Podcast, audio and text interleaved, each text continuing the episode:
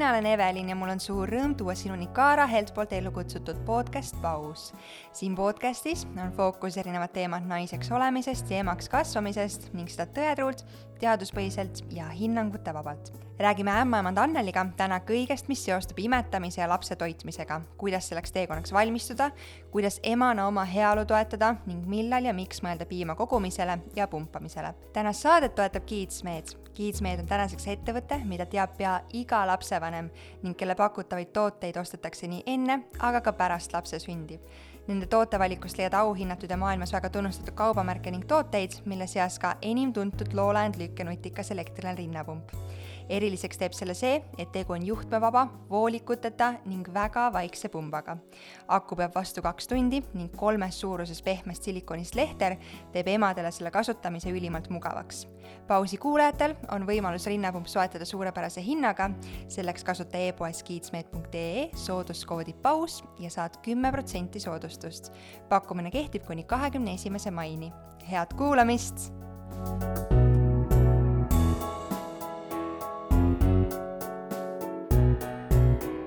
tšau, Anneli! tere! sa oled äh, ämmaemand ja me rääkisime, et meie tänase saate fookus võiks olla äh, imetamisel, aga võib-olla laiemalt siis äh, lapse toitmisel ja me oleme hästi palju saadetes keskendunud sellele või, või rääkinud sellest, et äh, naistel, emadel, peredel on äh, väga suur valmisolek ja äh, selline tähelepanu rasedusel ja sünnitusel, aga tihti unustatakse ära see sünnitusjärgne periood. Äh, kas imetamine on samamoodi miski, millele võiks juba raseduse ajal rohkem tähelepanu pöörata? Äh, no tegelikult jah, soovitatakse ikkagi ka natuke sellest äh, imetamisega seonduvatest teemadest juba raseduse ajal ikkagi rääkida. et äh, võib-olla öeldakse isegi, et ideaalne oleks sellisel nagu teisel triimestril aga no kindlasti võiks siis ka juba seal võib-olla kolmandal triimestril ehk enne seda sünnitust ikkagi oma ämmaemandaga siis ka selle imetamise teemadel natukene rääkida. et osad äh, naised küsivad ise seoses sellega, et nad panevad tähele kõiki neid muutusi, mis nende rindades on toimunud, äh, mõnel hakkab juba ka väikene tennespiima eritus seal tekkima ja nemad siis äh, küsivad ka ise juba, et kas see on nagu normaalne ja, ja millega see seotud on. Äh, aga et kindlasti äh, ka sellistel puhkudel tasuks sellest rääkida, kui on ka eelnevalt mingisuguseid negatiivseid kogemusi imetamisega või kui näiteks ka nagu naisele on tema ema või tema vanaema öelnud, et temal ei õnnestunud toita rinnaga, et siis ka kindlasti võiks ämmaemanda käest nagu küsida, et et äh, kuidas tema emana, tulevase emana saaks siis kõige paremini nagu selleks äh, imetamiseks äh, valmistuda. Mm.. et siis ämmaemand kindlasti oskab suunata. ka siis on meil ju olemas sellised äh, perekooli need loengud, aga noh, tänapäeval on ka väga palju seda materjali, mida saab ise nagu vaadata ja, ja lugeda ja siis juba sealt nagu tulevad need küsimused, mida siis konkreetselt võib-olla ämmaemandale nagu esitada. Mm väga palju räägitakse sellest, kui hea on imetamine nii beebile, aga ka emale. Äh, ja ilmselt seda teatakse, aga miks see siis nii hea on? no siin ongi välja toodud tegelikult nii emale siis need positiivsed äh, küljed, kui siis ka sellele beebile need positiivsed külmed, kui me nüüd noh, midagi peab kindlasti nagu pidama silmas, on see, et siin on ikkagi nagu tegemist kahe inimesega, et noh, mõlemad mängivad siin tegelikult oma seda nagu rolli, et see imetamine ka ilusasti õnnestuks. Aga kui me räägime nüüd nagu naisest, siis äh, ka teadusuuringud on äh, tõestanud, et ähm, rinnaga toitmine esiteks äh, aitab siis seda kehakaalu peale sünnitust paremini taastada, ehk et siis taastada seda sünnituseelset kaalu või siis ka nagu kiiremini, mis siis ka tänapäeval ikkagi on nagu naistele tegelikult tähtis. Äh, kindlasti äh, on öeldud, et ähm, vähendab äh, erinevate vähkide riski, sealhulgas siis munasarjavähi riski, rinnavähi riski, nii et need on kindlasti nagu need olulised asjad. ja kindlasti veel aitab siis seda nagu lähedust luua, et ega siis selle rinnaga toitmise üks eesmärk on ju tegelikult toitmine, aga tegelikult see on ka siis selle ema-lapse suhte nagu loomine et ka see on äh, noh, ütleme selle ema äh, vaimse tervise osas ka väga-väga oluline et äh, kindlasti ta vähendab ka siis seda sünnitusjärgse depressiooni riski, et see on ka ilusasti uuringutega tõestatud. kui me nüüd lapse poolt vaatame, siis me ei saa kuidagi mööda sellest, et kõik need vajalikud toitained lapse arenguks, kasvamiseks on olemas selles rinnapiimas. Ja need kindlasti aitavad siis ka lapse seda immuunsüsteemi äh, areneda, et seal on väga-väga oluline äh, roll selles, et oleks siis äh, olemas need kaitse erinevate nakkuste suhtes. rinnapiimaga või rinnapiima saamine vähendab siis tulevikus ka ülekaalulise tekkimise riski. Äh, teise tüübi diabeedi tekkimise riski, et ka need on äh, juba ilusasti teadusartiklitega tõestatud. ja ka täpselt samamoodi siis, kui ema poolt on see oluline, see lähedussuhte tekkimine, siis ka tegelikult ju beebi poolt, et et see annab talle sellise turvalise tunde, äh, et ka tema siis selleks nagu arenguks, et ta saab siis ka seal ema nagu läheduses, tunneb ta ennast hästi. Et seda on ka nagu vaadeldud sellise hilisema või ütleme, suuremate laste äh, Äh, rinnaga toitmise puhul ju, et noh, tegelikult ju äh, meil on ka väga palju juba selliseid äh, perekondi, kus ka kahe-kolmeaastastele lastele ilusasti antakse nagu seda rinnapiima, et ka see aitab siis nii-öelda selle lapse sellist võib-olla sellist arengule nagu kaasa, et öeldakse, et ka see on hea nagu turvaline koht, kus ta saab siis alati nagu minna ja võib-olla siis ka selle piima sealt veel saada, et kuigi ta seda otseselt enam äh, noh, nagu söögiks võib-olla ei nagu vaja, et ainult nende toitainete saamiseks. mis mulle Kaara puhul äh, väga äh, südamelähedane on, on see, et Kaara on võtnud oma äh, väärtuseks hinnangute vabalt suhtuda naistesse, emadesse, peredesse, äh, kes, äh, kelle teed Kaaraga ristuvad. ja imetamine on samamoodi üks nendest teemadest, mis paratamatult võib-olla mõne pere puhul ei ole aktuaalne sa ütlesid mulle enne nii ilusasti selle, et äh, tähtis on ema vaimne tervis. mis sa sellega just imetamise kontekstis silmas pead? no äh, üldse, kui me sellest äh, imetamise poolest nagu räägime, siis ma tegelikult olen ka puutunud kokku nagu võib-olla selle, kes siis ei, ei nagu imeta kahte tüüpi, kahte tüüpi nagu naistega, et ühed on siis need, kes tegelikult teevad selle teadliku otsuse juba eelnevalt, no see, seal võib olla väga palju erinevaid põhjuseid, et nad juba raseduse ajal või siis ka kohe peale sünnitust äh, ütlevad, et nemad on otsustanud mitte nagu toita äh, rinnaga ja siis ka meie selles mõttes neid ju toetame, et äh, õpetame siis, kuidasmoodi ja palju peab seda nagu lisatoitu andma, mismoodi siis oma rindadega nagu toimetada, kui sinna see nagu rinnapiim hakkab tekkima aga teine osa siis naisi on neid, kes ikkagi soovivad või kellel selles mõttes soovivad toita rinnaga, aga neil see mingil põhjusel ei äh, õnnestu. et nagu ma ütlesin seal ka alguses, siis see rinnaga toitmisel on ikkagi vaja kahte inimest nii-öelda, ühte, kes siis sööb ja siis teist, kes seda nagu annab. Nii et need põhjused on väga erinevad, miks see võib mitte õnnestuda. ja seal sageli on siis äh, just nagu sellise vaimse tervise või ütleme, vaimse poole äh,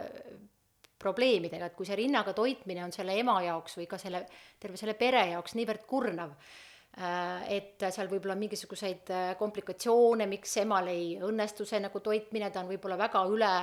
üle nagu väsinud, siis ütleme, selle ema vaimse tervise poolelt on see väga oluline et, et ikkagi nii ema ja beebi tunneksid ennast hästi ja sellisel puhul ka me siis ikkagi nagu soovitame anda noh, seda lisapiima, õpetame, kuidas seda teha ja et ema ja beebi saaksid ilusasti koos ähm, kasvada, nii et, et kindlasti see, sellel puhul ei saa anda nagu selliseid noh, hinnanguid. et see on mõnikord ema enda soov, teinekord äh, mitte emast nagu tulenevatest äh, põhjustest ja, ja siis äh, noh, on need sellised nagu valikud, et tänapäeval ju saab seda, ütleme, Äh, saab ka last nagu ilusasti selle rinnapiima asendajaga toita. et peaasi on ikkagi, et ema ja beebi kasvaksid ja oleks terved. kas selline variant, et äh, või olukord on üldse võimalik, et äh, laps sünnib, kõik on hästi, tervis on mõlemal, nii emal kui lapsel hea, aga piima tootmine lihtsalt mingil põhjusel ei toimu või vähemasti piisavas koguses? no tegelikult minul on niisugune hea äh, nagu lause, mida ma ka alati sünnitustoas ütlen emadele,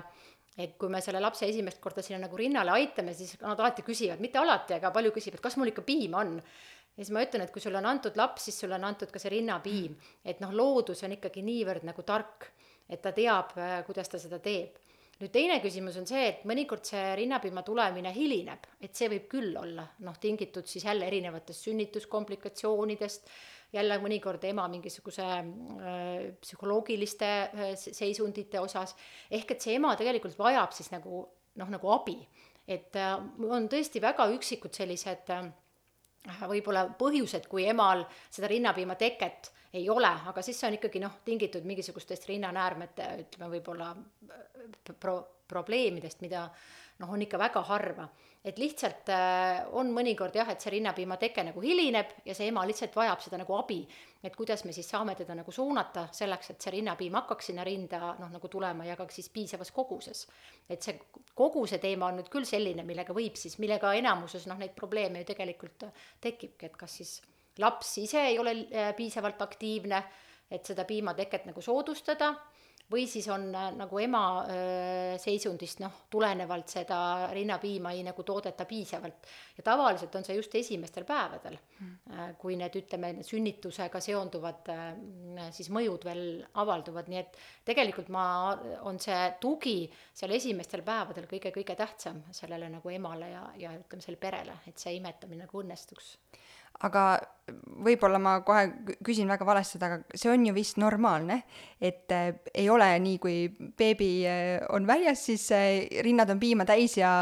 seda pole, et seda nii palju pole kuskile ära panna. et tegelikult see võtab ju tihtipeale aega, kuni see piim jõuab rindadesse jaa, see võtabki aega, et jällegi mõnikord äh, sünnitajad vaatavad või noh, ütlevad, et mul ei ole tilkagi piima, et ma juba kontrollisin et selles mõttes see, see, meie ütleme ikka, et see õige piim tuleb kolmandal päeval, et esialgu ongi nagu see tennespiim, äh, aga jällegi see kõik on niimoodi tegelikult äh, noh, nagu äh, looduse poolt ette nagu nähtud, et esimestel päevadel see väiksem piimakogus on nagu sellele vastsündinule piisav. eriti kui me räägime muidugi siin ajalistest lastest, et enneaegsete beebide puhul on see asi natukene teistmoodi. aga ikkagi ongi nii, et esialgu on olemas nagu see tennespiim siis äh, on ju olemas see beebi, kes hakkab seda rinda nagu imema, üle selle hakkab siis ka naise keha seda piima nagu tootma, ehk et ta saab selle informatsiooni, et mul on vaja nüüd seda piima toota. et kui ei ole kedagi, kes seda rinda nagu imeks, siis ka tema keha seda piima ei nagu tooda. et selle nagu tõttu on ka see väga oluline, see esimestel päevadel see väga sage imetamine, mis mõnikord jälle neid naisi äh, väga äh, väsitab sest ämmaemand ütleb, et pane laps kogu aeg nagu rinnale, ema ütleb, ma tahaks natuke magada. aga et meie jälle noh, teame, et see piima nagu äh, tootmine või see kogus on sellega, sellest nagu sõltuvuses, kui, kui sageli ja kui palju see beebi seda imeb. ja nüüd seal võibki tekkida see, et kui selle beebiga on olnud mingisuguseid komplikatsioone, et ta on esialgu näiteks äh, emast üldsegi eraldatud, on võib-olla vajanud nagu äh, selles vastsündinute intensiivis mingit abi siis on juba see esimene nagu kontakt katkestatud ja ka selle tõttu võib siis see piimateke emal äh,, emal nagu hilineda. nii et seal me siis jälle tuleme oma järgmiste oskustega appi, ehk et õpetame siis need emasid äh, noh, ka seda rinnapiima nagu lüpsma. et esialgu küll siis lihtsalt rohkem võib-olla seda, neid esimesi tilkasi sealt välja nagu pumpama, et hiljem siis, kui juba see piim hakkab nagu tekkima ja, ja kui on see vajadus ikkagi äh, Äh, noh, jätkata nagu selle äh, lüpsmi-, lüpsmisega, et last ei saa nagu panna rinnale, et siis hiljem ka hakkab ilusasti sinna see noh, õige piim nagu tulema, juba sellises koguses, kui siis seda nagu vaja on. siit on korduvalt läbi käinud äh, termin ternespiim, mis see on? tennespiim siis ongi nagu selline esmane, ehk siis see kõige tähtsam ja kõige toitainete rikkam piim, mis siis on juba ikkagi naistel seal rinnas nagu olemas ja see on nüüd siis ka selline, mille siis väikestest nagu tilkadest on juba nagu sellele beebile väga-väga palju äh, abi ja väga palju kasu. et ka tänapäeval siis äh, ka Eestis juba kõikides äh, sünnitusmaades kellel siis ei ole seda last nagu äh, võimalik kohe panna rinnale, siis me ka seda, neid tennespiimatilkasid hakkame ikkagi juba nagu äh, välja nagu pumpama ja viima siis nagu beebile. et seal on siis äh, noh, kõik need ähm, toitained sees, mis siis aitavad just selle beebi seedimist ilusasti tööle panna, kogu tema seda immuunsüsteemi ja noh, eriti oluline on see tennespiim ka nendele enne, enneaegsetele beebidele. et ka see on noh, selles mõttes meil Äh, ikkagi ilusasti äh, sünnitusmaades äh, juurutatud, et me ka seda tennespiima kindlasti nagu lüpsame ja siis ka nendele beebidele anname sa tõid ennist välja selle, et mõned naised raseduse ajal juba küsivad, et kas see on okei okay,, et ternespiima eraldub. Ähm, me võiksime rääkida natukene ka ternespiima kogumisest, sest mm -hmm. Kaara on loonud sellise ähm, kiti, ütle, ütle nüüd mulle mõni parem sõna selle asemel. no võib-olla see siis ongi äh, imetamise toetamise kitt või ma ei tea. just, väga hästi äh, mis, äh, mis aitab siis seda ternespiima mm -hmm. koguda. mille jaoks äh, seda, kes või miks üldse peaks seda ternespiima koguma raseduse lõpus mm -hmm. ja millal? Äh, jah, see piima äh, kogumine, noh, ta ei ole siis ka võib-olla ainult nagu see tennespiim, et seal hakkab siis ka, kui ta ikkagi ema seda nagu äh, järjepidevalt nagu lüpsab, et sinna hakkab ka siis juba tulema nii-öelda seda nagu teisest piima, aga jah, et tänapäevased soovitused ütlevad, et oleks siis hea seda koguda kindlasti nendel naistel, kes teavad, et neil on plaaniline keisrlõikus ehk et äh, sellel puhul siis ka mm, mõnikord see ema keha ja see rind ei ole selleks sünnituseks kohe nagu valmis, äh, sellepärast et meie ju teeme selle otsuse, et see beebi peaks nüüd sündima, mitte see sünnitus ei, ei alga nagu ise e-, eneslikult, et siis äh, osade haiguste puhul või ema komplikatsioonide puhul on ju juba teada, eks ju, et, et on nagu selline plaaniline äh, keiser nagu lõikus äh, tulemas, et siis need emad võiksid seda piima äh, koguda. Äh, teine oluline äh, grupp ka siis me tänapäeval räägime nendest nii esimese tüübi diabeetikutest kui siis ka rasedusaegsetest diabeediga patsientidest, et ka nemad tegelikult võiksid seda rinnapiima juba koguda selle nagu tõttu, et nende beebidel siis see veresuhkur peale sünnitust võib samamoodi noh, nagu väga kiiresti äh, alla minna. Äh, selles mõttes, et see on selle ema nagu haigusega seotud. Ja selleks, et siis seda veresuhkru taset nagu hoida, et sellel beebil ei tekiks siis seda hetke, et nüüd emal on piima vähe, äkki tal sellest ei jagu, et siis on nagu need piim nii-öelda selleks nagu valmis kogutud ja me saame anda seda ema piima sellele beebile, kui see tema veresuhkur peaks minema alla selle normi, mitte me ei võta siis seda kunstpiima. Äh, nüüd, millal seda teha, et äh, jällegi vaatasin siin erinevat kirjandust, et kirjandus küll ütles näiteks Inglismaal, et võiks kolmekümne kuuendast nagu nädalast ähm, koguda, aga meie siin äh, nagu imetamise nõustajatega konsulteerides nad ütlesid, et ikkagi kol-, kolmkümmend seitse pluss nagu nädalat, ehk et siis sellest hetkest, kui see nii-öelda või võiks öelda, et on tegemist nagu ajalise äh, sünnitusega, kui see sünnitus peaks nagu algama. soovituslik on siis koguda kaks kuni kolm korda päevas Äh, lüpsta siis äh, nagu seda rinnapiima ja saabki siis äh, kasutada neid samu sellist nagu, nagu ma ütlesite, see, see nagu kitt, mis siis on Kaaral välja töötatud, seal on siis sellised spetsiaalsed rinnapiima kogumise kotikesed. ühte sinna kotikese võib siis koguda piima kahekümne nelja tunni jooksul, ehk et siis ühe kahekümne nelja tunni piim võib olla ühes nagu selles kotikeses. no seal esialgu seda piima ei ole ju palju kui me räägime esmas nagu rasedatest, et mõnikord, kui on juba korduv äh, noh, nagu sünnitaja, siis võib-olla ka seda piima on seal juba rohkem. Äh, ja siis äh, kindlasti peaks see piimakott siis vahepeal olema selles tavakülmikus ja kui siis see kakskümmend neli tundi nagu on täis, et siis ta tuleb panna sinna sügavkülma. see tähendab seda, et kui sünnitus algab, siis sa võtad selle Äh, kotikese, kus on need, need on vist tegelikult pisikesed Jaa, äh, nagu süstlad ilma nõela mm -hmm. otsata, kus just, see piim kogutakse, eks. et selle kotikese sügavkülmast kaasa ja just. lähed sünnitama. jah, lähed sünnitama, annad selle siis äh, ämmamanda kätte, ämmamand paneb selle siis ka tavalisse külmikusse ja seda piima võib siis kasutada kahekümne nelja tunni nagu jooksul, ehk see, mis siis on nagu sügavkülmast võetud välja, et seda me peame ära kasutama siis kahekümne nelja tunni sees. nii et noh, kui näiteks on nüüd seda piima sinna nagu rohkem, et siis võib ka niimoodi teha, et ta võtab ühe selle koguse kaasa, eks ju, ja pärast siis toob näiteks isa noh, järgmine päev uuesti sealt sügavkülmast, kui on nagu vajadus. et, ähm, et selles mõttes jah, ja mina olen ka ise juba puutunud tegelikult sellega nagu kokku, et ka minu üks, üks nagu äh, sünnitaja on seda kogutud, seda rinnapiima kasutanud ja see väga hästi ka toimis, et, et tal oligi tegelikult ka vaja seda esimesel päeval nagu peale seda sünnitust äh, kasutada ja väga väga hea oli võtta seda tema enda piima, et mitte siis äh, nagu minna selle nii-öelda seda kunstpiima peale. sa tõid välja selle, et eriti oluline on toetada ähm, seda ema äh, seal esimestel päevadel äh, pärast sünnitust mm, -hmm. aga kas äh, kas sellel perioodil või sealt edasi on midagi, mis äh, imetav ema kindlasti peaks äh, ma ei tea, kas toidulisandite poolest mm -hmm. või mhm. menüü poolest äh, oma toitumises vaatama, jälgima, et äh, seda rinnapiima teket soodustada mm. -hmm. no rinnapiima tekke soodustamist äh, ütleme kli- või noh, tõestatud ei ole, et mingisugused nagu toitained, seda võiks tõsta, kindlasti küll, aga seda soodustab nagu vedelik. et äh, ema peaks siis äh, ikkagi piisavalt seda nagu vedelikku tarbima ja öeldakse isegi, et see vedeliku tarbimine võiks siis olla kuni kuussada kuni seitsesada milliliitrit päevas nagu rohkem mis siis äh, noh, nagu tavaliselt, et kuna see rinnapiima tootmine vajab palju seda nagu vedelikku, siis kindlasti see vee nagu tarbimine peaks siis olema piisav. ma saan aru, et me räägime veest, mitte Coca-Colast. ei, me räägime puhtast veest Äh, Coca-Colaga või noh, kui nüüd üldse me räägime nendest muudest nagu jookidest, siis äh, tegelikult ka äh,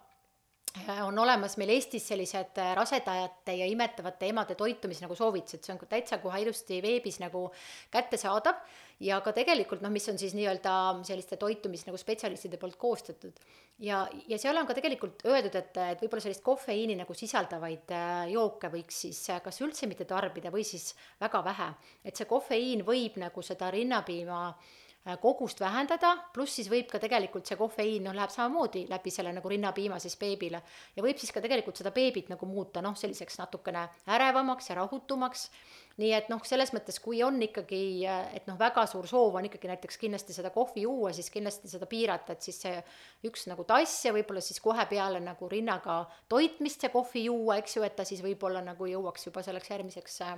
imetamiskorraks, noh, see kofeiinisisaldus nagu nii palju seal noh, nagu äh, väheneda. toitainetest veel, mida peab äh, ka nagu imetamise ajal teadma, on tegelikult see, et väga olulised on äh, süsivesikud, millest me muidu ju tegelikult nagu räägime, eks ju, et seda süsivesikute tarbimist peaks piisama. aga tegelikult äh, rinnaga toitmise ajal on see väga-väga oluline, sellepärast et siis äh, keha kasutab ja toodab sellest ema nii-öelda glükoosist seda äh, laktoosi, mis siis on vaja ka sellele nagu beebile, nii et, et süsivesikuid peaks kindlasti nagu tarbima ja soovitatakse siis ka tarbida kõik neid äh, teraviljatooted, eks ju, tatar, kartul, et eh, noh, kui me üldisemalt ütleme, siis eh, peab sööma täis väärtuslikult tavapärast toitu. et nüüd, eh, kas millegist peaks nagu hoiduma? Äh, jällegi otseselt ei ole öeldud, et nagu midagi oleks keelatud, noh, loomulikult me ei räägi siin alkoholist, et see, see ja alkoholi imetamine kindlasti ei käi kokku, aga muudest äh, võib-olla toitainetest peaks lihtsalt nagu mõtlema seda, et mis võib-olla emale nagu tekitavad mingeid selliseid allergilisi reaktsioon, et neid tavaliselt ju teab ema, eks ju, noh juba ise, et mida ta võib-olla peaks mitte sööma. ja siis ka võib-olla meil siin näiteks on kaks sellist, mis mina nagu ütlen, on kaks sellist suurt nagu ho hooajalist toitu, on siis pühade äh, jõulude ajal need mandariinid, mida mõnikord süüakse suures koguses, mis võib siis äh, tekitada selliseid äh, allergilisi teemasid ja teine asi on need maasikad, et kui tulevad meie maasikad, et siis lihtsalt mitte suurtes nagu kogustes neid asju süüa ja noh, alati saab hakata ka vaikselt niimoodi proovima, et kui te söötegi, siis te juba ju noh, nagu näete oma selle beebi peal, kas õhtul või siis ka järgmisel päeval, eks ju, et vot ta käitub kuidagi teistmoodi või või on nagu ähm, noh, nagu närvilisem, et siis saab lihtsalt nagu mõelda, et mida sealt peaks nagu välja, välja nagu äh, võtma allergeene on igasugu erinevaid ja nagu sa mm -hmm. välja mhm. tõid, siis äh, iga ema teab, mis äh,, mis tal potentsiaalselt siis äh, allergiaid tekitab, et siis mm -hmm. seda vältida. aga kas mul on õigus, et mesi on üks, mis on ka sinna mandariinide ja maasikate sekka selline nojah, et see meega on ka niimoodi, et eks ju, kui sa paned teda ühe selle nagu lusika sinna tee sisse päevas, et siis ta ilmselt ei nagu tekita, aga et jällegi öeldakse, et ema peaks nagu arvestama selle nagu järgi, et kuidas nagu temal on, et kui ta ise teab, et on äärmiselt nagu tundlik äh, noh, äh, toitainete suhtes, et siis siis lihtsalt ma arvan, et ta neid samu asju ju noh, tegelikult ta tegelikult siis ikkagi tarbib ainult neid, mis ka temale nagu sobivad, eks ju, ja need siis ka ei, ei nagu tekita seda noh, nagu neid ähm, probleeme nagu lapsele sa oled kokku puutunud äh, paljude naistega. Ähm, mis sa näed, mis kõige suuremad murekohad äh, või, või kaebused, ma ei tea, kas kaebus on õige sõna, aga sellised probleemi, probleemid on, mis imetamisega kaasnevad naistel? no eks seal ongi ikkagi see, et see, see väikene hirm, et kas mul on seda piima nagu piisavalt, siis see võib-olla esimeste päevade selline nagu õnnestumine, noh, selles mõttes just, et kas see lapse nagu äh, imemisvõte on õige et need on ikkagi sellised kõige nagu suuremad noh, noh need murekohad, et seal esimestel päevadel nagu saada see imetamine sujuma, et saada see kindlus. et tihtipeale noh, ka tegelikult äh, alguses ka, et peale sünnitust ka ma ikkagi ütlen noh, nagu naistele, et ämmamandad on sellepärast seal olemas, et, et sa neid kasutaksid, et tuleb kogu aeg küsida ja meie jaoks ei ole selles mõttes nagu rumalaid küsimusi, et lähed jälle kutsud, tule palun vaata, et saaks selle esimesel päeva, esimestel päevadel selle kindluse, et jah mul imetamisasend on õige, laps ilusasti nagu imeb ja, ja selles mõttes selle rinnapiima nagu koguse osas on see, et meil on ikkagi ju tänapäeval teatud kaalu nagu normid. et ikkagi me ju tänapäeval ar-, armastame igasuguseid nagu numbreid ja, ja siis noh, öeldakse, eks ju, et see maksimaalne kaalukadu võiks lapsel olla kümme protsenti äh, peale sündi, mis siis on selleks nagu noh, võiks olla kõige nagu madalam siis selleks kolmandal päeval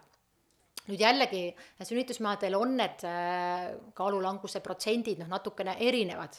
Äh, mõni peab nagu neist äh, rangemalt kinni, mõni vähem rangemalt ja siis ongi mõnikord emal see hetk, et vot see kaalukaotus on suur, et ämmaemand ütleb, et mul ei ole piima. et, et pigem siis nagu jälle äh, rahulikult nagu sellesse suhtuda, kindlasti haiglates on olemas need äh, imetamise nõustajad või kui nüüd see tekib seal kodus mingisugune tunne, et mul piima ei ole, noh, ma arvan, et mul ei ole, et siis kindlasti kui noh, ikkagi pöörduda selle imetamise nagu nõustaja poole, kus siis saab jällegi nagu selle kindluse. ja mida ka võib-olla ma nagu pean ikkagi mm, oluliseks nagu emadele öelda, on see, et ka kui see äh, ütleme, see kõige suurem kaalukaotus on nagu üle juba Äh, üle juba elatud, et siis ei, ei pea enam seda nagu vaatama, et see laps nüüd iga kolme tunni tagant peab sööma. et ka meie söömisharjumused või need soovid on ju iga päev erinevad, et me ei taha ju iga päev täpselt ühtemoodi süüa. mõni päev ma tunnen, et ma vajan rohkem süüa, mõni päev ma tahan nagu vähem süüa, et siis ikkagi tuleb nagu usaldada seda ennast ja seda beebit, et vot mõni päev ta sööbki vähem, tahabki magada. Teine päev ta on mul kogu aeg seal tissi otsas, võib-olla tal on janu hoopis, eks ju, võib-olla õues on palav võib-olla on täna olnud mul väga palju külalisi, et laps on natukene ärevam, et selles mõttes nagu seda keha ja last nagu usaldada. et ei noh, siis enam ei pea pärast seda, kui ütleme, see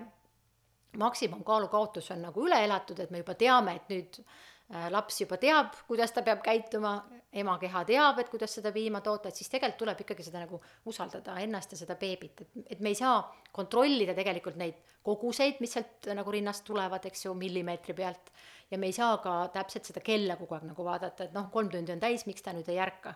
vaid et võibki olla, nagu ma ütlen, iga päev on nagu erinev tead, mul tuli meelde, me rääkisime enne imetamist äh, soodustavatest teguritest või, või mm -hmm. sellistest võimalustest ja, ja sa tõid alguses ka väga ilusasti välja selle, et äh, imetamine on hea võimalus selle lähedussideme loomisel ema ja lapse vahel ja nendel päevadel äh, mu üheksakuune mm -hmm. laps jätkuvalt äh,, ta saab küll muidugi lisatoitu ka, aga mm, -hmm. aga ähm, äh, ma imetan teda ja nendel päevadel, kus ta mingil põhjusel on hästi äh, minu küljes ja tahab väga palju süles olla või ma lähen kuskile ja ma panen ta kandekotti, ehk siis ta on väga-väga lähedal, siis nendel päevadel mu rinnad on lihtsalt märgatavalt ja tuntavalt rohkem piima täis, ehk siis see lähedus äh,, mida, mis laps pakub või vajab äh,, aitab väga palju, vähemalt minu enda kogemusel mm -hmm. äh, piimatekkele kaasa jaa, kindlasti nii ongi ja sellepärast ka me ju räägime, et emad ja beebid võivad magada koos, eks ju, mida ju ka siin mitukümmend aastat tagasi noh, nagu tauniti, eks ju, et laps peab magama oma toas. et ikkagi kõik see ju seda nagu soodustab. ja kindlasti see rinnapiima kogus ei sõltu naise nagu äh, rindade suurusest, eks ju, mida ka mõnikord äh, noh, kardetakse, et mul on liiga väiksed rinnad seal ei ole mingisugust seost, ei ole seost ka tegelikult nende rinna nagu nibude erisusega, et ka mõnikord väga, ütleme, sellised sissepoole noh, nagu need rinnanibudega äh, naised imetavad imeliselt, et seal on ikkagi vaja noh, tegelikult seda lapse, ütleme, sellist aktiivsust ja seda õiget imemise võtet, et see on noh, hästi-hästi oluline. ja see ongi üks asi, mida saame meie siis noh, nagu vaadata, eks ju, et kui ema ise ju ei oska esimestel hetkedel seda hinnata, et see võte oleks õige, et see laps nagu saaks sealt selle noh, piima nagu ilusasti kätte. ja kirjandus ütleb ka tegelikult ju, et see rinnapiima kogus ei sõltu noh, tegelikult ei sellest söömisest ega joomisest, vaid sõltubki sellest, kui palju see laps seda rinda imeb, ehk et see on täiesti nagu omavahel noh, on need nagu seotud, eks ju, et et kui äh, ema mingil hetkel nagu äh, soovib äh, vähem toita rinnaga, võib-olla tal on mingisugune, tal on vaja tööle minna või tal on mingisugused muud isiklikud asjad, et siis lihtsalt, kui ta juba seda rinnaga toitmist nagu vähendab, eks ju, seda toidukordade arvu, siis hakkab ka juba ema keha seda piima nagu vähem äh, noh, nagu tootma. et selles mõttes see kõik on niimoodi omavahel nagu seotud tead, me ei leppinud kokku, et me sellest teemast äh, räägime Aha. ja sa võid mulle öelda, et Evelin Arve kindlasti räägib aga mul on üks äh, teema hingel, sest ma lihtsalt olen näinud viimasel ajal ringlemas natukene mitteteaduspõhist infot selle kohta äh, ja selleks on D-vitamiini andmine lastele mm, -hmm. siis kohe, kohe sünnist mm -hmm. alates praktiliselt. ma saan aru, et ettekirjutus ja teaduspõhine info ikkagi sätestab seda, et mm -hmm. D-vitamiini tuleks lisaks lastele anda Äh, beebidele ja, ja siis on, äh, on inimesi, kes võib-olla ei saa sellest aru, äh, sellepärast et mhm. justkui kõik vajalikud toitained ja vitamiinid ja mineraalid peaks ju beebi läbi rinnapiima saama mis sa selle kohta ütled mm? -hmm. ei no mina ütlen ikkagi, et see D-vitamiin on nagu äh, vajalik anda, et me ei saa kõikide ema nagu noh, nagu rinnapiimadest seda uuringut teha, eks ju, et kui palju temal täpselt seda seal on ja kas seda on piisavalt, et kindlasti võibki olla mingisugune hulk, noh, kellel seda on, aga me ei tea esiteks, äh, kellel on ja ütleme, meie nagu tingimustes siin Eestis ka, eks ju, on see, see D-vitamiin hästi oluline ja kui me nüüd noh, mõtleme, et mina olen ka tegelikult ju nii kaua juba töötanud ämmaemandana ja, ja kui mina omal ajal õppisin ja siis meil ikkagi ju räägiti veel sellest, kus meil olid need ähm, ajad, kui meil olid need äh, rahiiti põdevad, eks ju, need lapsed, et noh, tegelikult meil seda enam ei ole, meil on see nagu olematu, et eks nagu sellised nagu see K-vitamiini and-, eh, manustamine seal sünnitusjärgselt, D-vitamiini andmine, et need on ikka olnud väga pikka aega noh, väga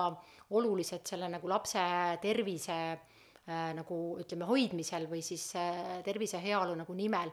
et kindlasti äh, see D-vitamiini andmine on, ähm, on nagu Eestis ikkagi oluline. ma olen lihtsalt näinud neid äh, diskussioone tekkimas just selle koha pealt, et äh, lastel tekivad gaasid seal mõne elukuu või, või kuu möödudes või, või äkki isegi kiiremini või ma nüüd mm -hmm. gaasid jah, tavaliselt kohe nad ei ole alguses, aga nad ütleme, me ütleme, et gaasid võib-olla noh, teisest-kolmandast elu nagu nädalast, et just, ega tavaliselt just. ennem ei ole gaase, et ennem ikkagi, kui, kui laps on rahutu, siis ta tahab ema saada just, aga et nende gaaside tekkega mm -hmm. äh, justkui näidatakse näpuga, et D-vitamiin on selles süüdi, et siis äh, ma ei tea, kas gaasid on paratamatu osa sellest äh, alguse protsessist või, või mitte, kuigi mm, -hmm. kuigivõrd palju saab ka oma toitumist jälgida ema, aga just see, et, ma saan aru, et D-vitamiini puhul äh, see õli, mis mm, -hmm. millega see segatud on, et siis seda manustada justkui seda peetakse selleks äh, süüdlaseks. see on niivõrd väike nagu äh, kogus, mis seda antakse, muidugi ma selles koha pealt nüüd äh, ei ole need, ütleme neid uuringuid noh, nagu lugenud, et ma praegu võib-olla seda otsest jah, küsimust võib täitsa nagu mõne äh, lastearsti käest küsida. Aga mis ma nende gaaside kohta nagu tahan öelda, et, et noh, tegelikult seesama, sa ütlesid juba ise õieti, et kindlasti peab seda nagu toitumist jälgima. Äh, ja kui me võtame ka, et ega siis tegelikult äh, beebid on täpselt samasugused äh, inimesed samasuguse kehaga, kui me oleme noh, täiskasvanud, et mõnel inimesel ongi ju see seedimine nagu ütleme, kõik need seedimisega seotud võib-olla siis protsessid nagu keerulisemad. et tal võtabki seedimine aega, tal on rohkem selliseid kõhuvaevusi ja beebid on tegelikult noh, täpselt samasugused. et ka nendel on juba erinev see nagu seedesüsteem. et mõni laps ongi ju, või samamoodi on see une küsimus, eks ju, noh, see küll ei ole meie tänane teema, aga aga tegelikult on ju, et mõni nagu beebi üldse ainult äh, tunni ja kaupa nagu magab, ega me sellepärast ei saa siis ju noh, öelda, et tal on mingisugune öö, probleem, vaid tema ongi sellist nagu noh, kuidas me ütleme, inimtüüpi siis inimene. Samamoodi on ka nende gaasidega, et, et mõnel on neid nagu rohkem, kindlasti peab vaatama seda nagu äh, toitumist, aga kindlasti võib ka siis ikkagi, kui on väga noh, palju neid kaasa, et siis võib ikkagi ka selle perearsti käest äh, noh, perearsti poole pöörduda, et võib-olla tuleb nagu natukene seal noh, vaadata, et kas seal on mingisuguseid muid võib-olla tõesti seede elundkonnaga neid ähm, äh, jah, küsimusi, et miks siis, kui, kui noh, tõesti emale tundub, aga jah, seda ma küll ei, ei saa öelda või noh, kinnitada vähemalt, et see oleks kuidagi selle õliga nagu seotud mm me rääkisime ennist ternespiima kogumisest mm, -hmm. aga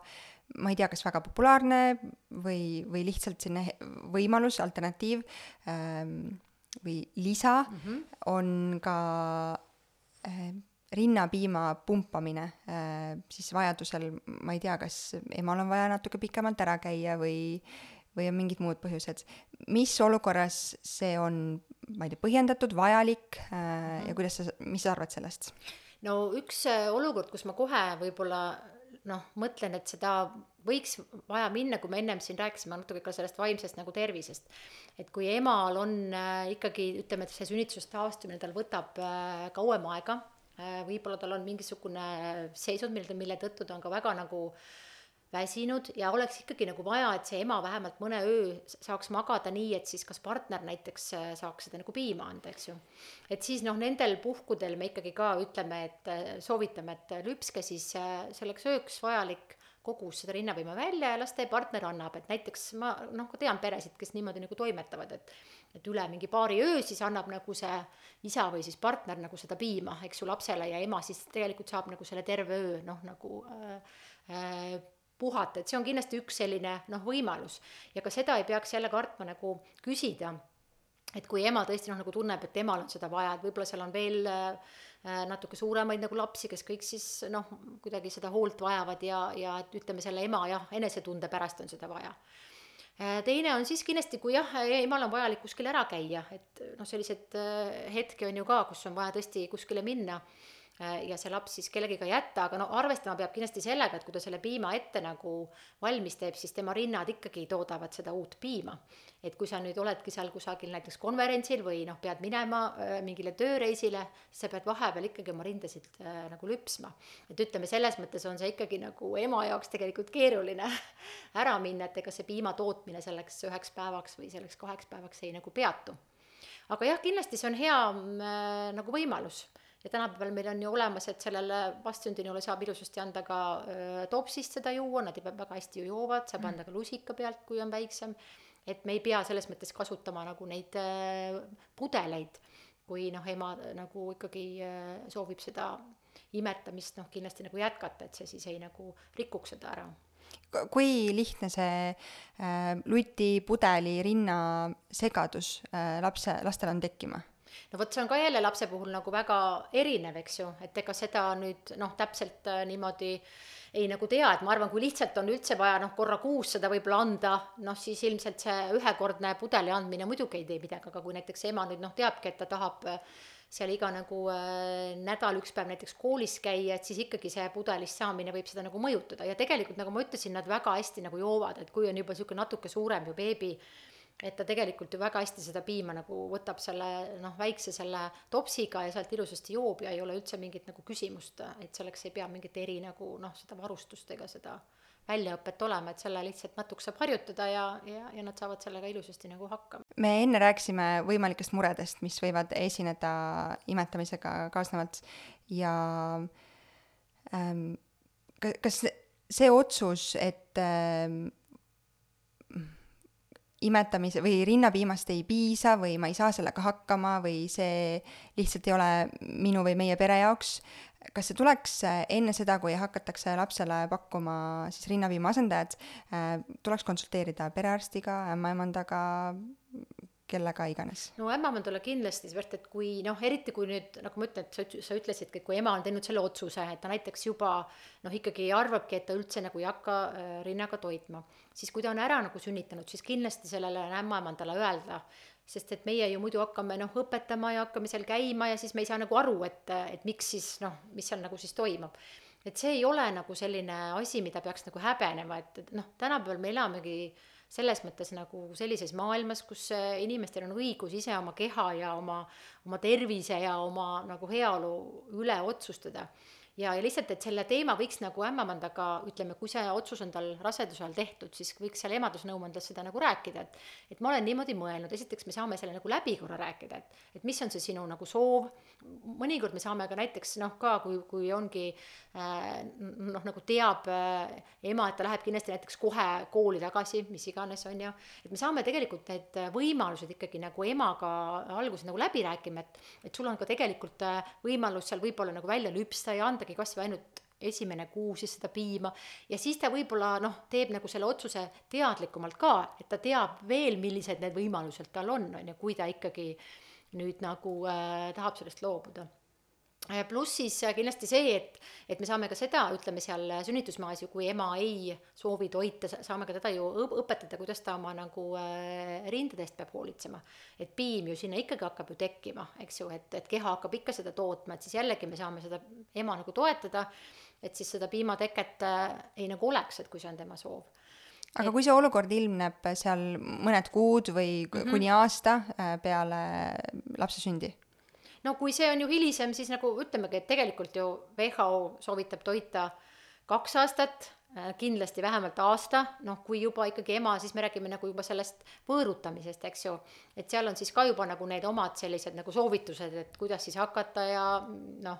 äh,, lihtsalt milliseid neid toidukoguseid siis äh, noh, nagu välja nagu jätma Äh, aga ütleme, et äh, millist nagu seda rinnapiima asendajat kasutada või seda, et noh, seda saab ka jällegi, et kas küsite siis ämmaemanda käest või kui juba laps on ju suurem, te käite perearstikeskuses, et, et siis saab kindlasti sealt perearsti käest ka seda infot, eks ju, et, et esiteks, kui te hakkate andma seda lisapiima seal noh, ütleme näiteks kolmandast kuust ema otsustab, et ta enam ei, ei soovi toita, et siis millised on need kogused, kindlasti on ju vaja tal teada, eks ju mis siis sellega näiteks võivad kaasneda, kas siis seal mingisugused äh, nagu muutused selle lapse äh, ütleme siis selles nagu kakavärvuses või milleski äh, muutub ju kindlasti ka siis tema see võib-olla soov nagu süüa, eks ju, kuna see kunstpiim püsib äh, kehas nagu kauem, noh, kui see mm. rinnapiim, et siis kindlasti ikkagi oma pereõe või siis perearstiga tuleks need küsimused noh, nagu läbi rääkida, et siis ei oleks nagu üllatusi, et ma nüüd äkki hakkasin andma, et kas nüüd on kõik nagu õieti või, või kuidas mu beebi nüüd käitub teema, millele ma polnud kunagi mõelnud või tähelepanu pööranud mm,, lihtsalt see ei olnud kuidagi mu teele sattunud äh,, aga kui ma käisin sünnitusjärgses kontrollis ämmaemanda juures, siis äh, ta tõi välja, või eellugu seal oli see, et mul oli väga äh,, ma tundsin ennast väga hästi raseduse ajal ja sünnitus läks hästi ja kuidagi meie, me oleme peres alati äh, mõelnud, et meil võiks olla kaks äh, pigem väiksema vanusevahega last ja kui ma seda vist ämmaemandale ütlesin, siis äh, ta tõi välja sellise, lihtsalt ütles muuhulgas lause, et aga tandemi imetamine on ka võimalik. ja ma isegi, ma ei olnud sellest kuulnud varem, ma ei olnud sellele mm -hmm. mõelnud varem, äh, aga võib-olla ka üks teema, millele siin põgusalt peatuda, mis see tandem imetamine on ja mida see tähendab? no see tähendabki siis nagu seda, eks ju, ehk et sa imetad siis nagu sellel, sellel nagu ajal, kui sa tegelikult ootad oma teist siis nagu beebit või siis ka hiljem, eks ju, annad nagu kahele lapsele seda rinda nüüd siin on ka tegelikult äh, huvitavaid küsimusi sellega seoses, mida ka noh, täpselt veel pole nii, nii väga palju võib-olla uuritud, et kuidas see rinnapiima koostis siis muutub, sest tegelikult me ju teame, et see rinnapiima koostis on ju erinev. seal äh, sünnituse al-, või ütleme, raseduse alguse või äh, peale seda sünnitust on ta ühe koostisega ja hiljem siis see koostis nagu muutub vastavalt selle lapse nagu kasvule ja arengule et tekkis siis, siis seal ka see nagu see küsimus, et kui sa nagu raseduse ajal imetad, et kas siis üldse sellel beebil, kes nüüd sünnib, on siis nagu seda tennespiima. aga noh, tegelikult ikkagi öeldakse, et see keha on, on nagu niivõrd tark, et ikkagi ta hakkab seda tennespiima ikkagi siis nagu tootma, kui see uus nagu beebi sünnib. nii et see noh, tandem imetamine, noh seda jah, võib-olla väga palju ei äh,, ei, ei ole Eestis, aga ega ma ütlen ausalt, ega ma ka täpselt ei tea, et ega ka sageli nagu naised sellest ei räägi. et see võib-olla ei ole nagu nii väga selline teema, mida nagu noh, julgetakse rääkida või üldse, et ma nüüd imetan kahte last või et pigem nagu noh, see tundub nagu selline võib-olla perekesksem asi, on ju aga, ja on ka siis veel olnud selliseid äh, hirme, et kui ma nüüd raseduse ajal imetan, et kas see siis võib nagu soodustada seda raseduse katkemist või enneaegset sünnitust, et ka seal tegelikult ei ole siis seda nagu tõenduspõhisust välja nagu toodud, nii et, et kui see on nagu, on ikkagi nagu äh, võimalik et äh, kui see on emale nagu sobiv ja kui see suurem laps soovib seda rinnapiima saada sel ajal, siis ta võib seda saada, et jällegi mõnedel puhkudel tegelikult ka laps ise nagu loobub noh, mis ka mitte, et nüüd ema nagu keelab talle, sest ta on rase, vaid ta näiteks enam ei taha nii palju seda rinnapiima, et noh, seda me ka täpselt ei tea, kas seal koostises siis midagi muutus, et miks see laps ei, ei nagu tahtnud seda enam või siis kuidagi võib-olla, kui ema nagu räägib, et et mul on nüüd see teine beebi siin nagu tulemas. aga jah, et see tandemi imetamine on nagu on küll nagu võimalus. tead, võib-olla mul mõni sugulane kuulab, ma pean selle disclaimer'i siia tegema mul ei, meil ei ole plaanis nii lühikese vahega mitut last saada, aga lihtsalt see te-, see teemapüstitus tundus mulle hästi põnev, sest ma tõesti mm -hmm. ei olnud sellest varem midagi kuulnud. Ehm, sa tõid korduvalt välja seda, et ehm, piima koostis sõltub vastavalt sellele, mida ja laps justkui te-, tellib või, või milline mm, -hmm. mis arenguetapis see ähm, laps piima saab ja ma nägin ühte väga huvitavat äh, ma ei kont-, ma ei olnud allikakriitiline, ma ei kontrollinud, kust see info tuleb, aga ühte väga huvitavat äh, artiklit selle kohta, kuidas äh, beebi sülg annab info äh, ema kehale äh, siis, mida ta parasjagu vajab ja selle, sellest lähtuvalt siis ema keha toodab selle piima mm. -hmm. see võib küll olla niimoodi, sest nagu ma ütlen, see ema keha on äärmiselt nagu tark, noh näiteks ka on üks selline Hollandi uurija, kes on siis seda rinnapiima koostist hästi nagu proovinud uurida. ja tema näiteks ka tõi sellise asja välja, et ka tütarlaste ja, ja poiste nagu rinnapiima, kui on, kui ema kas annab poisile rinda või annab tütrele rinda, ka see koostis on erinev. et mm. näiteks poistele antavas selles nagu rinnapiimas on siis nagu neid proteiine nagu rohkem, eks ju, et ta vajab nagu rohkem seda energiat, nii et noh, kui me mõtleme juba seda, et see keha on nagu niivõrd palju tark, et ta siis nagu toodab seda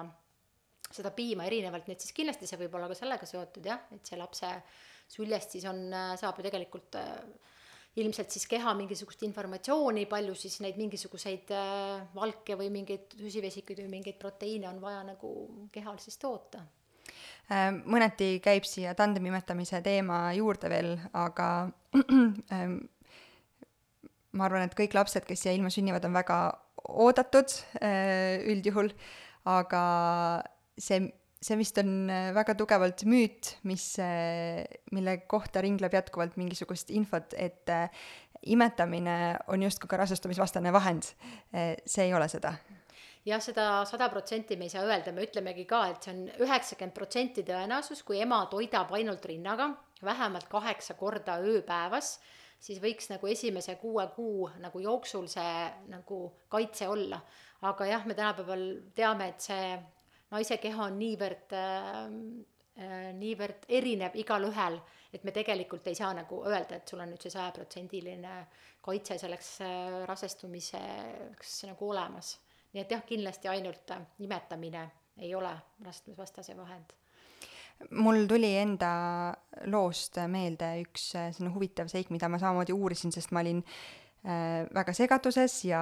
mures ja pöördusin ka ühe imetamisnõustaja ja sünnitoetaja poole, kes mind rahustas ja äh, sellist head infot jagas, aga äh, ma ise oskan seda seostada vaid äh, sellega, et äh, mu laps oli viiekuune, kui ta magas ootamatult pikad ööd äh, seal ühe nädala vältel äh,, pärast mida mõnda aega mul äh, naases menstruatsioon. Ja sellel äh, ajal, kui menstruatsioon algas äh,, äh, mu laps üldse ei tahtnud rinda ja ta äh, ma, ma ei saa öelda, et vältis, aga ma sain ta olekust aru seda, et see, mis rinnast tuleb, ei ole see, mida ta sealt ootaks. ja siis ma uurisin selle kohta, et tegelikult seal menstruatsiooni esimestel päevadel see piima koostis ja maitse võib olla teistsugune. Kas äh, kuna minu peas käis sellel hetkel äh, läbi tuhat ja üks küsimust, et äh, kas see nüüd ongi lõpp ja mis ma nüüd tegema pean ja appi, siis kas on sul selle kohta midagi jagada, öelda, peab muret tundma või, või kehad on ikkagi piisavalt targad, et oskavad toimetada? Jaa, ei, ma arvan, et muret küll ei pea tundma, et kehad on täpselt jah, piisavalt nagu targad, et, et, et need võib-olla ongi need mõned sellised päevad, nagu ma ütlesin, et seal võib olla neid mingeid põhjuseid, eks ju, miks see miks see laps siis nagu mingil päeval noh, tunneb, et ta seda ei taha, täpselt nagu sa ütlesid, et võib-olla seal ongi muutunud sel hetkel mingisugune maitse, sest su keha on hakanud jälle hoopis teistmoodi neid äh, hormoone tootma, eks ju, siin on hormonaalne tasakaal on nagu muutunud, aga see kindlasti ei, ei noh, mõjuta nagu seda, et nüüd peaks kuidagi mõtlema, kuidas siis, kas, kas mul nüüd äkki enam ei ole piima või, või et lihtsalt need ongi paar sellist võib-olla noh, teistmoodi päeva siis, kui, kui ema seda paneb tähele aga noh, ega siis kõik nagu ei pane ka seda tähele, et noh, see on seesama, nagu mõni naine tunneb seda ovulatsiooni, mõni ei tunne ja et me kehad on nagu äärmiselt noh, erinevad, et siis lihtsalt tuleb nagu aktsepteerida seda mõnda nagu päeva. Nagu ma ütlesingi, et ka mõni päev võib ju olla selline, kus laps ei taha üldse näiteks süüa, noh, ta on nii rahutu, kõik need asjad, et siis lihtsalt tuleb jälle vaadata, kuidas on see nagu järgmine päev, et ka selles mõttes ei juhtu ka mitte midagi, et kui see üks, üks päev nüüd tegelikult see beebi seal sööb võib-olla vähem või siis noh, nagu keeldub sellest, et ega selles mõttes temaga sellest noh, midagi ei nagu juhtu tema tervisliku seisundiga et võib-olla sa vaidled mulle vastu, aga imetamine on väga suur töö füüsiline töö, koormus kehal. ma ei vaidle sellele üldse vastu, et selle kohta jälle ütleb see tegelikult ju, eks ju, et mitusada kalorit nagu tegelikult see naine ikkagi vajab nagu imetamise ajal nagu rohkem, et kui me räägime ka, et äh, raseduse ajal, siis see kalorite saamise hulk tegelikult nagu suureneb täpselt samamoodi imetamise ajal, et kindlasti jällegi seesama asi, et tuleb süüa sageli, väike, küll väiksemad, noh, väikeste kogustena selleks, et sa pidevalt sööksid seda veresuhkrut nagu hoiaksid, eks ju, heal nagu tasemel ja muidugi ta kulutab seda energiat. et see, nagu me siin äh, ka salvestuse alguses ütlesime ju, et, et see kaal, kaalukadu on nagu parem, eks ju, et kui sa nagu toidad rinnaga, sellepärast et sa lihtsalt kulutad seda energiat. ja ma arvan, et sa ka ise võib-olla oled seda tundnud, et sul on tohutu nagu janu kogu aeg. Oh. Et seda kõik oh, imetavad emad räägivad, et see pudel on kogu aeg voodi kõrval. Mm.. et seepärast, et su kogu aeg see energia nagu kulu on, seda vedelikku äh, kasutatakse hästi palju ja samamoodi ka seda suhkrut kasutatakse, eks ju, et, et selles mõttes kindlasti see äh, on, see on nagu töö kuidas emad, me rääkisime enne menüüst ja, ja toitumisest üldisemalt, aga kuidas emad veel ennast saavad selles eluetapis toetada? või kuidas lähedased saavad toetada neid nojah, siin on see lähedaste nagu roll on, on ka tegelikult ikkagi äh, nagu suur, et äh, mis on jällegi muutunud äh, võib-olla siin vanade aegadega on ju see, et vanasti oli nagu naistel nii-öelda see nurgavoodi aeg, jah et noh, ka Eestis ju tegelikult on seda niimoodi öeldud, et me siin mõnedes teistes kultuurides ka praegu seda nagu näeme, eks ju, et nii-öelda see kaks nagu nädalat, võib-olla see sünnitanud naine ei peakski mitte midagi tegema peale selle, et ta imetab ja noh, tõesti siis tegeleb ainult enda taastumise ja imetamise võib-olla beebiga, eks ju. mis praegu kiires maailmas on ju muutunud, et emad tahavad kohe olla tublid, krapsakad, mul on vaja süüa teha, mul on vaja suuremale lapsele kuskile järgi minna. Et ikkagi ma nagu ütlen, soovitan naistele, võtke see aeg, et äh, raseduse ajal katsuge juba mõelda, et kes on need teie nagu tugiisikud. alati ei pea see võib-olla ju partner olema, kes peab tööle minema. Võib-olla on see keegi muu lähedane, et sul oleks ikkagi need esimesed nagu nädalad keegi, kellele sa saad helistada, et kuule, ole hea, tule käi poes, ole hea, no mis iganes, et sa saad pühenduda sellele, saad magada päeval, kui su beebi magab, on ju, et see on nii tähtis ja, ja millegipärast seda nagu ikkagi noh, naised kuidagi nagu kardavad teha, võtta seda aega nagu endale. Ja partner siis kindlasti võiks noh, peaks sellega nagu arvestama, et need on asjad, mis tuleks nagu raseduse ajal noh, nagu läbi rääkida. Et alguses sa ütlesid ka, et põhiliselt naised ju keskenduvad sellele sünnitusele. Aga tegelikult see on ju noh, väga, see on kakskümmend neli tundi, okei okay,, ütleme maksimumaeg. pärast seda algab ju see nagu tõeline elu. et, et võiks nagu raseduse ajal natuke seda nagu arutada ka oma selle partneriga, et, et mis saab nagu pärast, eks ju, et kui ma olen ära sünnitanud, kui me koju läheme,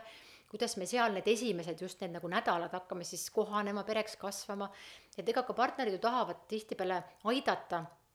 aga nad ei oska, noh, et siis ongi see, et, et las ta siis lihtsalt võib-olla teebki süüa rohkem, toob sulle juua, et sa saaksid ikkagi see esimesed, esimesed kaks nädalat, mina ikkagi ütlen, et see on see kriitiline aeg, et tekiks see kiindumussuhe, kõik see imetamine hakkaks nagu öö, toimuma, ema saaks taastuda sünnitusest, kui tal on olnud veel keerulisem või noh, pikem sünnitus. et see aeg nagu tuleb võtta endale ja kui sa tunnedki, et sa oled väsinud, et sa ei, ei soovi, siis sa ei peaks nagu väga palju suhtlema, noh, väljaspool oma Äh, võib-olla sellist pere nagu ringi, et need külalised ja need sõbrad, need võivad kõik tulla hiljem. et ikkagi ema peab nagu tundma ise seda, et milline on see tema hetk nüüd praegu, sa ei oska seda raseduse ajal ennustada. et mõni ju ütlebki, et noh, ma lähen kohe pärast tööle, teen seda, tegelikult kui ta sünnitab ära, siis tal on kõik see nagu meelest läinud. noh, mõni on vastupidi, et sa pead oma seda sise nagu tunnet tundma, et äh, ei pea nagu vastama mingitele ühiskondlikele normidele, vaid et äh, minul on vaja praegu seda aega, ma olen seal oma noh, perega näiteks ainult või aga et oleks see nagu selline turvaring, et see on hästi-hästi tähtis. siis ka see imetamine sujub, siis sa ei ole nagu nii murelik, eks ju. see kõik ju, psühholoogiline seisund ju ka seda rinnapiima teket nagu mõjutab, seda me ju ka, eks ju, kõik teame. et sa saaksid nagu rahulikult äh, pühenduda sellele nagu beebile. siit käis juba korra läbi, aga siia saate lõppu meeldetuletuseks, äh, kelle poole pöörduda, kui on imetamisega mingeid muresid, küsimusi? no ikkagi, kui need on siis nüüd nii, et sa oled veel seal sünnitusmajas, kindlasti seal on kogu aeg see nagu ämmaemand kättesaadav ja siis meil on ikkagi üle Eesti olemas väga head imetamise nagu nõustajad, et kui neid äh, otsida, on kohe eraldi need kabinetid, et meil ka äh, Ida-Tallinna Keskhaiglas saab helistada, panna aja, tulla ükskõik mi-, kui nagu vana beebiga, et seal ei ole nagu mingeid piiranguid. ja ka teistes äh, üle Eesti on päris äh, palju neid imetamise noh, nõustamise neid ähm, osutajaid ja saab ju ka tegelikult kutsuda ju koju, eks ju, et selles mõttes jällegi, kui tekib ikkagi seal kodus mure, et ka erinevad ämmamandad ju pakuvad neid ämmamandate neid sünnitusjärgseid koduvisiite, mis siis kõik ju sisaldab seda nagu imetamist, et samamoodi siin läbi Kaara. ehk et oluline on äh, vähemalt proovida nende murede ja probleemidega tegeleda, äh, loodetavasti sellise hea, eduka äh, ja võimalusel pikaaegse teekonna nimel jaa, ja meil on nagu neid erinevaid äh, võimalusi veel, kuidas me saame aidata, eks ju, et on need igasugused noh, kui tekivad need rinna nagu noh, nibude probleemid, meil on neid kreeme, siis on ka selline võimalus ka siit Kaarast saab tegelikult nagu rentida sellist nagu ähm, laseriga sellist valgusteraapia nagu aparaati ja nii et vaadake natuke ringi Äh, küsige ämmamandate käest, äh, et kindlasti seda nagu tuge äh, tuleb otsida ja see ongi selline aeg, kus ei pea ini-, noh, nagu naine olema üksinda ja kõigega saama ise hakkama, et, et kasutada neid nagu pakutavaid võimalusi et vähemasti siis te, siis te ka saate seda nagu hiljem enda jaoks ka öelda, et, et ma olen kõik nagu endast andnud ja kui siis tekkisid mingisugused äh, probleemid, mille puhul siis võib-olla see imetamine ikkagi ei õnnestunud nii kaua, kui sa soovisid või või seal olid alguses küsimusi, siis vähemalt sa ise nagu tead, et mina olen kõik teinud, seekord oli mingisugune põhjus äh,, miks mul päris nii see kõik ei nagu läinud ja saad nagu endaga teha selle rahu, et et alati peaks neid asju ka nagu noh, rääkima just, ja kõige viimaseks, kas kapsas on ikka veel omal kohal? Kapsas on omal kohal ja kapsas on üks väga hea asi. Ja see on alati väga ka äh, huvitav, kui meil käivad välisüliõpilased, siis need ka alati suurte silmadega vaatavad, kui me need kapsalehed külmikust välja otsime sünnitusmajas. et kapsas on üks väga hea asi ja no me ütleme seda ju ka nendele peredele, et ostke koju see kapsapea, panete kapsalehe sinna nagu rinnale, viskate ära, on ju et tõesti, see on üks niisugune hea ja noh, eriti kapsapea võiks siis olla selles külmkapis, et, et ta võiks olla külm, see leht, et kui sa võtad ta, et siis ta esiteks nagu selle piimapaisu ajal mõnusalt noh, nagu jahutab, pluss ta võtab siis seda põletikku nagu tunnet nagu maha ja, ja nii et tõesti, see kapsas aitab, aitab väga hästi. ja kui vaja ei lähe, siis saab vähemasti hea kapsaautise. just, just. aitäh sulle, Anneli, nende väga julgustavate ja heade mõtete eest tänases saates. palun. tšau.